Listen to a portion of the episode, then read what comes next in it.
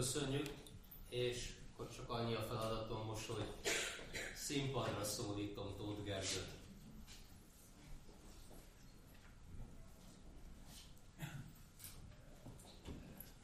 Szeretettel köszöntök mindenkit.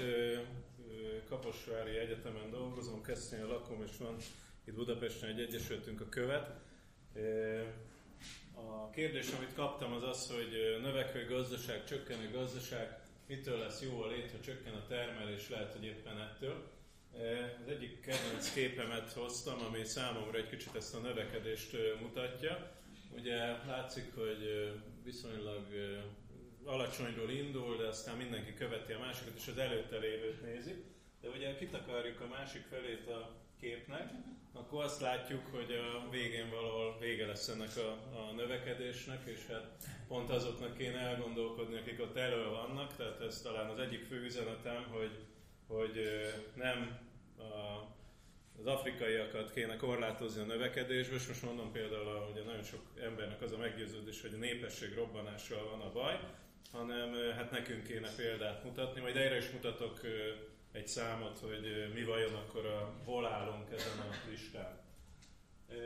Én azt a címet adtam az előadásomnak, hogy a precíziós gazdálkodás, gazdaság, gazdálkodás útja, de nem a mezőgazdaságra gondolok, hanem a precízión ugyanazt értem, ami, amit mondott Szandra is, hogy nem a növekedést kell tagadni, van, ahol igenis kell növekedni, tehát az emlegetett afrikaiaknál ott kell, tehát igenis el kell oda jutnunk, hogy mindenkinek jusson 8 általános iskola, legyen valamilyen hajléka, ne kelljen azt mondjuk tízezreinek naponta nem tudom én hány kilométert sétálni a fejükön vízzel, stb. stb.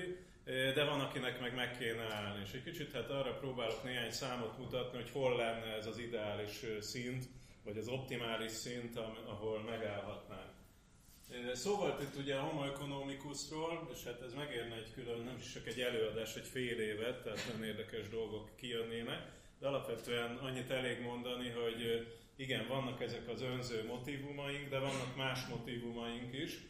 Nagyon egyszerű a közgazdaságtannak, vagy bármilyen tudománynak az embert ilyen egydimenziósá teszi, mert onnantól lehet matematizálni.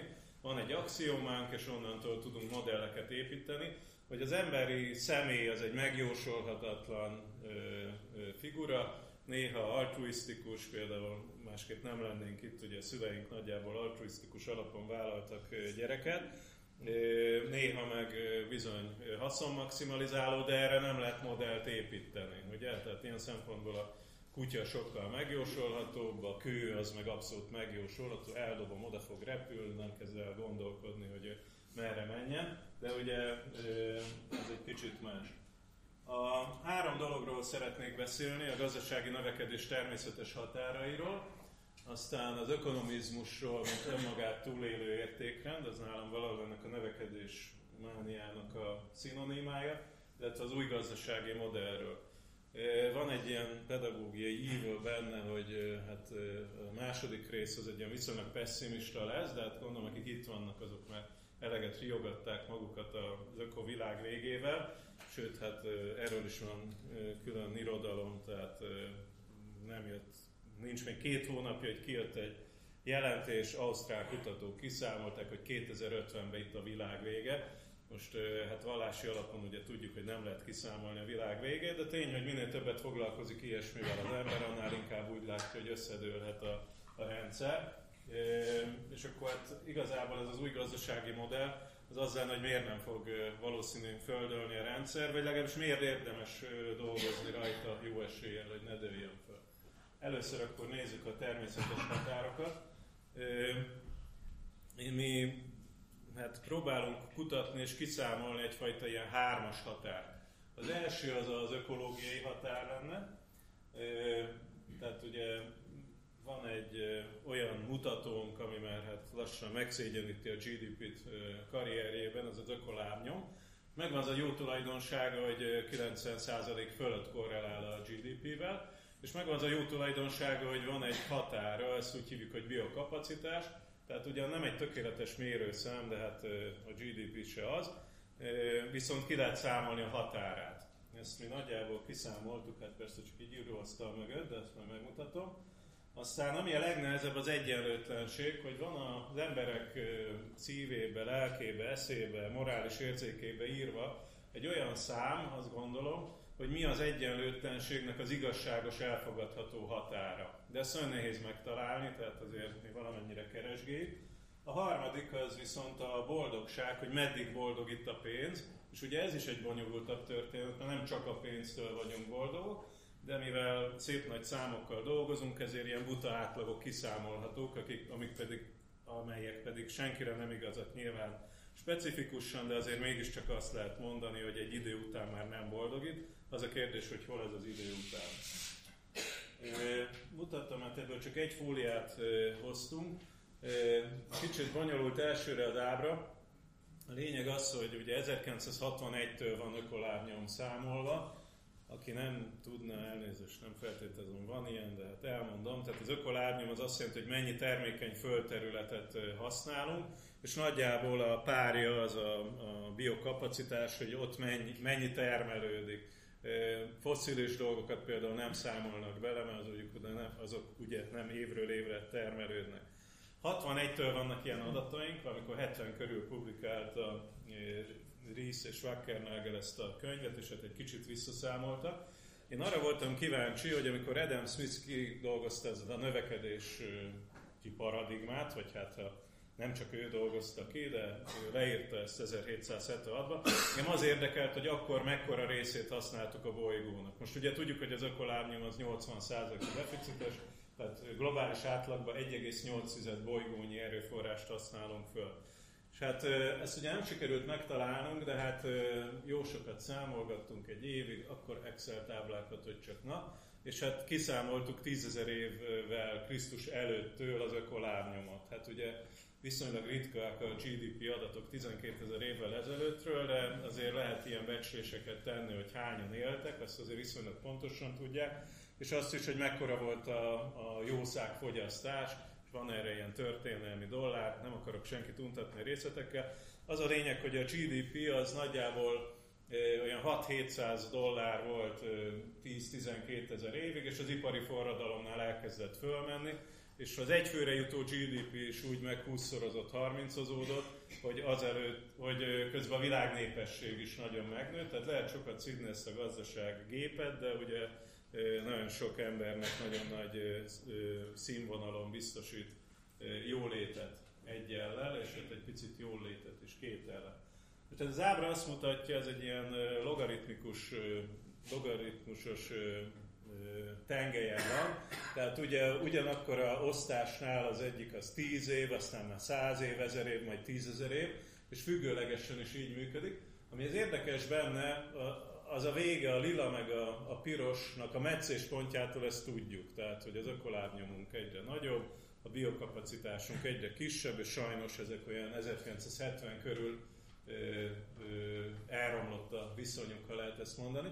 A másik, amit nem gondoltuk, hogy találunk, de ez érdekes dolog, és számomra egy kicsit a túlnépesedés fóbiának a cáfolata, az azt mutatja, a kék meg a zöld, ugye a, a zöld az a ö, teljes GDP a világon, a kék pedig a teljes népesség. És azt látjuk, hogy száz évvel ezelőttig nagyjából a népesség vitte a növekedést, tehát azért kellett egyre több pénz, jószág és az egyel, ezzel járó környezetszennyezés, ugye Takács András nagyon jó kiszám, vagy leírta ezt a, a bioszféra átalakításunk lépései, bent, tehát hogy folyton nőtt a népesség, és hát egyre többet foglaltunk, fogyasztottunk. De ott beelőzött a GDP, tehát úgy néz ki, és hát erre vannak más számításaink is, hogy azóta már ez a fő faktor, ha lehet ilyen szép magyar szót mondani, ez a fő drive, hogy hát egyre pumpáljuk fel a gazdaságot, és már nem a népesség nő akkorára. Ez lett volna tehát az első korlát, most épp próbáljuk kiszámolni, mi lenne az a GDP, amennyi mondjuk fenntartató lenne ilyen 9-10 milliárd embernek, nagyjából ennyire jósolják a világnépesség tetőzését, valamikor 2050 és 2070 között.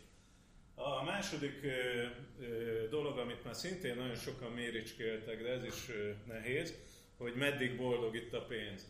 És hát ugye illene erre a görb, ez azt mutatja az egyiken, hogy mekkora jövedelem, másikon meg, hogy mennyire boldognak érzik magukat az emberek.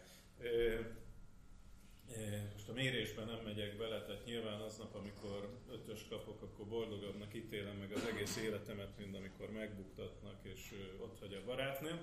De zárójel bezárva, azért mégiscsak vannak itt is átlagértékek. És úgy illene, hogy erre ráillesztünk egy görbét, ami egy ilyen sokáig fölfelé ívelő, aztán egy kicsit lefelé hajló görbe lenne. De erre ez egy annyira szóródott ö, ö, ö, halmaz, hogy gyakorlatilag minden görbe ráilleszthető, de valószínűleg az a legigazabb, hogy egy darabig meredeken növekszik, tehát emlegettem, hogy amíg a, az ember gyereke nem tudja kiárni az általános iskolát, addig attól nagyon boldogtalan az, hogy most két diplomája van, vagy három, vagy le PHD-zik, azt már szerintem inkább csökkenti a boldogságát, mint növeli. És egy idő után pedig biztos, hogy nem, dolgo, nem boldog itt a pénz. Miért? Mert ugye egy idő után a pénzért meg kell valamivel fizetnünk, az időnkkel, az erkölcsünkkel, azzal, hogy úgy érezzük, hogy mégiscsak mi miattunk pusztul a bolygó. Nagyon érdekes ugye ez a Greta Thunberg jelenség, hogy valahogy a az ókori zsidóság így szerette, hogyha a proféták jönnek és megmondják, hogy ők milyen, igaz, hogy kivégezték őket, de azért mindig meghallgatták, tehát szükség volt egy ilyenre. Most is a G7-en ott ül a Greta Thunberg, meg az ENSZ közgyűlésen, és ott hallgatják a, az emberek, hogy hát hogy jön a világ vége szerint. Most, hogy mennyi az annyi, az már nagyon nehéz, tehát két szélső értéket hoztam. Van két Nobel-díjas közgazdász, Kahneman és Deaton, akik 2010-ben publikáltak egy cikket, ő szerintük 75 ezer dollár az az évi jövedelem, amíg a pénz boldogít. És van egy nagyon jó mértékadó kutatás, amit Csutora Mária végre megért a kedvemért, de igazából már ez egy ilyen lassan 10 éves adat, ahol megkérdeztek több mint ezer embert, és megnézték, hogy meddig boldogok és mennyi pénzük van. Kimutattunk egy csomó, kimutattak egy csomó boldogságfaktort, ugye például, hogy van-e társas kapcsolat, meg tartozik a közösséghez, és az jött hogy 65 ezer forint per hó nettó jöve, egyfőre jutó nettó jövedelemig mutatható ki a pénzboldogság növelő hatása. Azóta már egy kis infláció volt, de azért ez mégis egy megdöbbentően alacsony szám. Hát kiszámoltam most idefel a vonaton, ez egy 29-szeres különbség, tehát azért ez még közgazdászoknak is túl nagy szorzó, majd megpróbáljuk ezeket összeírni. A harmadik limit, amin kicsit elidőzök, ez, a, ez az egyenlőtlenség, és egy kicsit akkor előre is mutatnék erre a kivezethetően ökológikus alternatíva mély szegénységből. Szerintem igen, tehát én azt gondolom, hogy ez, egyenlő, ez az extrém egyenlőtlenség, ez az a mély-mély gyökérok, ami, ami, ami előidéz egy csomó más problémát, többek közt a környezetpusztítás, többek közt a, mély szegénységet, stb. Egy olyan ábrát hoztam, ahol azt látjuk, hogy ha valaki vásárol egy kiló banánt az Egyesült Királyságban, ezt ugye megteheti a 4-5-600 forint, vagy durván egy fontért, akkor ebből mennyi pénz jut a termelőnek, a munkásnak, ugye másfél penny, illetve 10 penny, Hozzáteszem, banánt szüretelni az egy veszélyes foglalkozás, tehát meleg van, nagy a pára, és vannak ilyen kis banánkígyók, amik mérgesek, tehát ez nem egy jó meló, ha lehet ilyet mondani. És hát ott vannak a másik végén, hogy akkor kinél lesz a pénz, hát ugye a nagykereskedőnél, a kiskereskedőnél, meg a, a banán elosztó cégeknél, akik gyakorlatilag 89,9,5%-át elviszik. És van egy, aki közgazdász, biztos hallottam már, Porternek a nevét, és ő most előállt egy ilyen nagy ötlettel, talán egy öt éve, hogy CSV-nek hívják Creating Shared Value, tehát azt jelenti, hogy közös értékteremtés, hogy hát legyünk még okosabbak, még többet nőjön a gazdaság, és majd azt a növekményt az igazságosabban osztjuk el. De ugye az eddigi utunk az azt mondta, hogy minél több a pénz, annál igazságtalanabbul osztják el, nem fordítva, ha csak nem váltunk narratívát, vagy én inkább paradigmának szeretem eh, nevezni.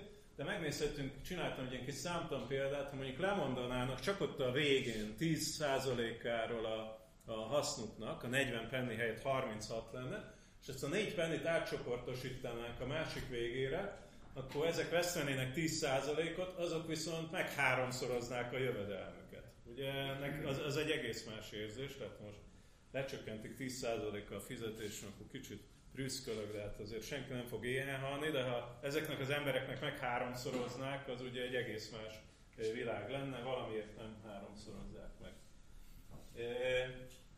Ez azt mutatja, egyenlőtlenségben ez a legklasszikusabb mérőszám szerintem, hogy hány ember birtokol annyi vagyont, mint a világnépesség szegényebbik fele. Idefele megnéztem a Worldometert, jelenleg 7,7 milliárdan vagyunk, 3000-en haltak meg azt hiszem koronavírusba, és 80 ezeren influenzába ugyanabban az időszakban, tehát erre majd még kicsit sorosozni, meg koronavírusozni minden előadásban kell, hogy aktuális legyen. Tehát látható, hogy ez a, bár most már szerintem soros kiütötte a koronavírus, szóval látható, hogy 2010-ben még majdnem 400 milliárdosnak volt ennyi pénze, 2015-ben pedig 62-nek, ez az Oxfamnak vannak elég jó jelentése, az Oxfam egyébként ilyen Fairtrade, méltányos kereskedelmi szervezet, és hát mikor én ezt utoljára néztem, de ez is már két éves adat, akkor meg már csak 8 ember volt. És hát ugye sorosozás kettő, tehát nincs köztük a soros. Tartottam ugyanezt az elő, vagy hát hasonló előadást tartottam általános iskolában, és megkérdeztem a gyerekeket, ez még egy éve volt, hogy hát szerintük a soros hányadik leggazdagabb ember a világon, mindenki mondta, hogy az első. Ha mondom, nem, akkor a második. Akkor mutattam, hogy nyolc, akkor a kilencedik, tehát megnéztem direkt, csak a kétszázadik a listán. Ugye ők viszonylag megkérdőjelezhetetlenebb emberek, tehát nagy részt csináltak valami hasznosat, de azért mégiscsak durva, hogy ennyi pénzük van. És hát ugye minden alkalom, amikor elmegyünk a Facebookra, vagy bemegyünk a Zarába, akkor ugye megint egy picit hozzárakunk az ő vagyonukhoz. De így nagyon nehéz élni. Tehát persze jó, így mondjuk négy. És hogy 10 óriánál vagyunk, csak 33-ból. Kicsit gyorsítunk. A világ népességnek nagyon e-, egyenlőtlen az elosztása. És azért is mondtam, hogy van, ahol kell növekedni, mert vannak olyan területek, ahol bizony kéne erősen gazdaságilag növekedni. Például nézzük meg ott alul, van egy két-három-négy milliárd ember, akiket nem lehet biztosítani. Tehát nem ér meg 50-100 forintot naponta az ő életük, mert nem érdemes rájuk költeni. Tehát nyilván nekik valahogy a munkaerejükkel kéne fizetni, vagy nem tudom, tehát valami új üzleti modellek kellenének. És hát rettentő jó lehetőségek a multiknak, ugye például vizet bevinni, jelenleg azt hiszem 20 ezer ember hal naponta éhen, és a nagy részük ezen belül szomjan hal, mert nem éri meg a vezetékes vizet odavinni. Van egy bácsi, illetve volt szegény, mert meghalt a Prahalad, aki írt is erről egy könyvet, BOP-nek rövidítik, rövidítik, tehát Bottom of the Pyramid, azaz a piramis alja, hogy valahogy ezeket a szegényeket kéne ellátni, akiket nem lehet üzleti alapon ellátni. Aztán nagyon régóta keressük az egyenlőtlenségnek ezt az igazságos mértékét. Általában a legelvetemültebb egyenlőtlenség pártiak, és ilyen egy a tízre rakják, mert Pláton csak egy a négyre. Érdekes sztori lenne, de nem lehet elmondani, hogy mi a... Tehát nagyon érdekes, hogy mi a viszony a vezérigazgatónak, meg az első munkásnak a fizetése. Egy kis egy fél percet azért erre elhasználok, egy kis közönségszavazást szeretnék kérni. Az a kérdés, hogy Magyarország egyfőre jutó átlagjövedelme alapján önök szerint hova tartozik? A leggazdagabb ötödbe, a másodikba, stb. stb. Jó, tehát mindenkinek egy szavazata van, és föltelti a kezét, amikor én erre felszólítom. Tehát ki az, aki azt gondolja, hogy leggazdagabb ötödbe vagyunk? Jó, hát az elég sokan. Második, a második ötödbe. Ez is elég sok. Igen, harmadikba, közepén. Ez már kevesebb. Negyedikbe. Ötödik legalsóba. Jó, a felső kettő nyert. Egyébként már így néz ki ez a pesgős pohár 2016-ban, tehát már nem is pesgős pohár, mert már nem tudna megállni. Akit érdekel, az, az mindjárt mutatok egy honlapot, és az EU-ba is, ezt már sem mondom, de az a lényeg, hogy az EU-ba is milyen periférián vagyunk nagyjából, és van egy ilyen szuper cella, London nyugati része, ahol 150 ezer euró az egyfőre jutó GDP. 150 ezer. Még kelet Londonban meg csak olyan 60-70 ezer körül. Tehát valahogy úgy néz ki, hogy, ilyen, hogy így szívja be a, a pénzt, és ezt ugye úgy hívjuk, hogy pénzgravitáció. A pénznek meg volt a rossz tulajdonság, hogy oda megy, ahol már amúgy is van, nem olyan, mint a gázok, hogy ugye elterjed egysége. És akkor aki, aki szeretné megnézni, az kattintson rá a Global Rich Listre, írja be szépen a jövedelmét forintba, az éves jövedelmét, és megkapja, hogy ő a 7 milliárd emberből hányadik leggazdagabb, és ellenőrizheti, hogy bent van-e ott a tetején. Ha nézzük az egyenlőtlenséget, a NAV-tól például lehet szedni a top jövedelmeket, és azt látjuk, hogy van olyan, volt olyan ember 2017-ben azt hiszem, akinek a, az éves jövedelme, munkajövedelme, hol van? 1,3 igen, 1,8 milliárd forint volt. Tehát csak munkajövedelem, amit ő bevallott a NAV-nak. Tehát nem korrupciós pénzekről beszélek, meg osztalékokról, meg ide. Ez havi 150 millió forintos fizetés. Ugye ez érdekes, ezt ki lehet számolni a minimálbérre, és akkor megkapjuk, hogy mekkora a legkisebb, meg a legnagyobb jövedelem közötti különbség. Az ökonomizmus, ugye van a Beatlesnek egy ilyen száma, hogy all you need is love, és most már van nyugaton egy ilyen mozgalom, hogy all you need is less, tehát hogy minden, ami kell neked, az az, hogy kevesebbet legyen, ezt már lehet látni óriás plakátokon, meg minden. Az ökonomizmusnak viszont hát van egy ilyen szent háromsága, aminek a növekedés az egyik fő bálványa, ami egy ilyen önmagába való jónak tekintjük. Most már nagyon hadarnom kéne, tehát inkább azt csinálom, hogy akkor átugrok egy pár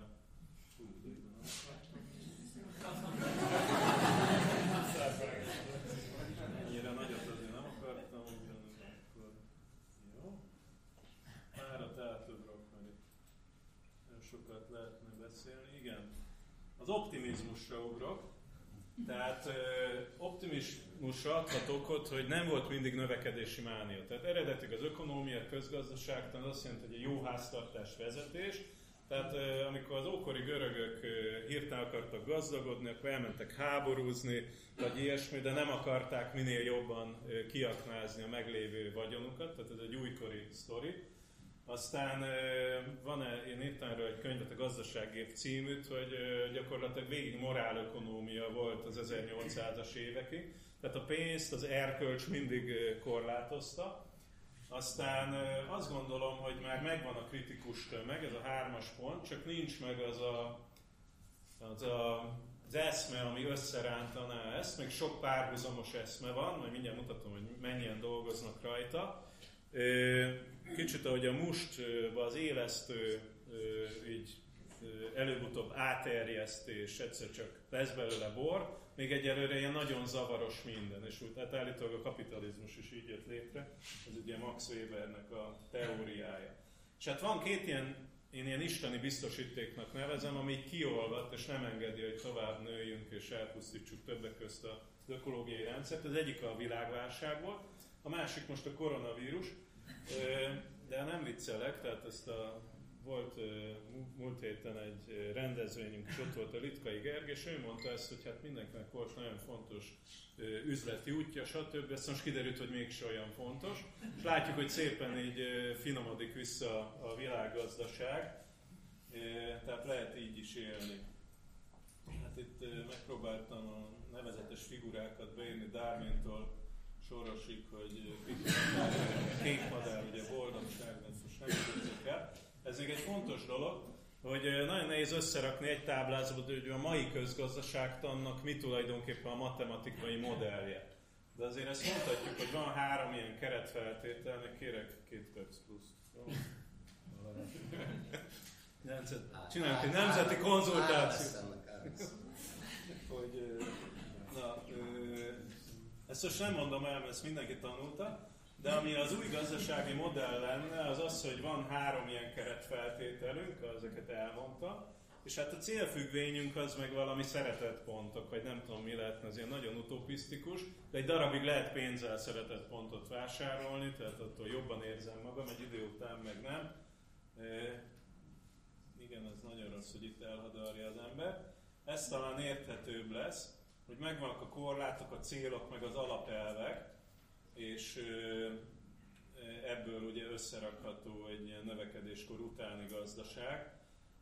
És akit érdekel, kiraktam ide ilyen zöld újságot, ez a lépések, a követnek az újság, és a kettővel, vagy hárommal ezelőtti szám, ez a Post-Growth Economist, az a növekedéskor utáni paradigma megálmodóiról beszél, és itt vannak nagyon érdekes figurák, nagyon érdekes elméletekkel, például ez a 17-es most kapott Nobel-díjat, és hát az első hat hét, akit én a legígéretesebbnek tartok, akik dolgoznak ilyesmiken. Köszönöm a figyelmet!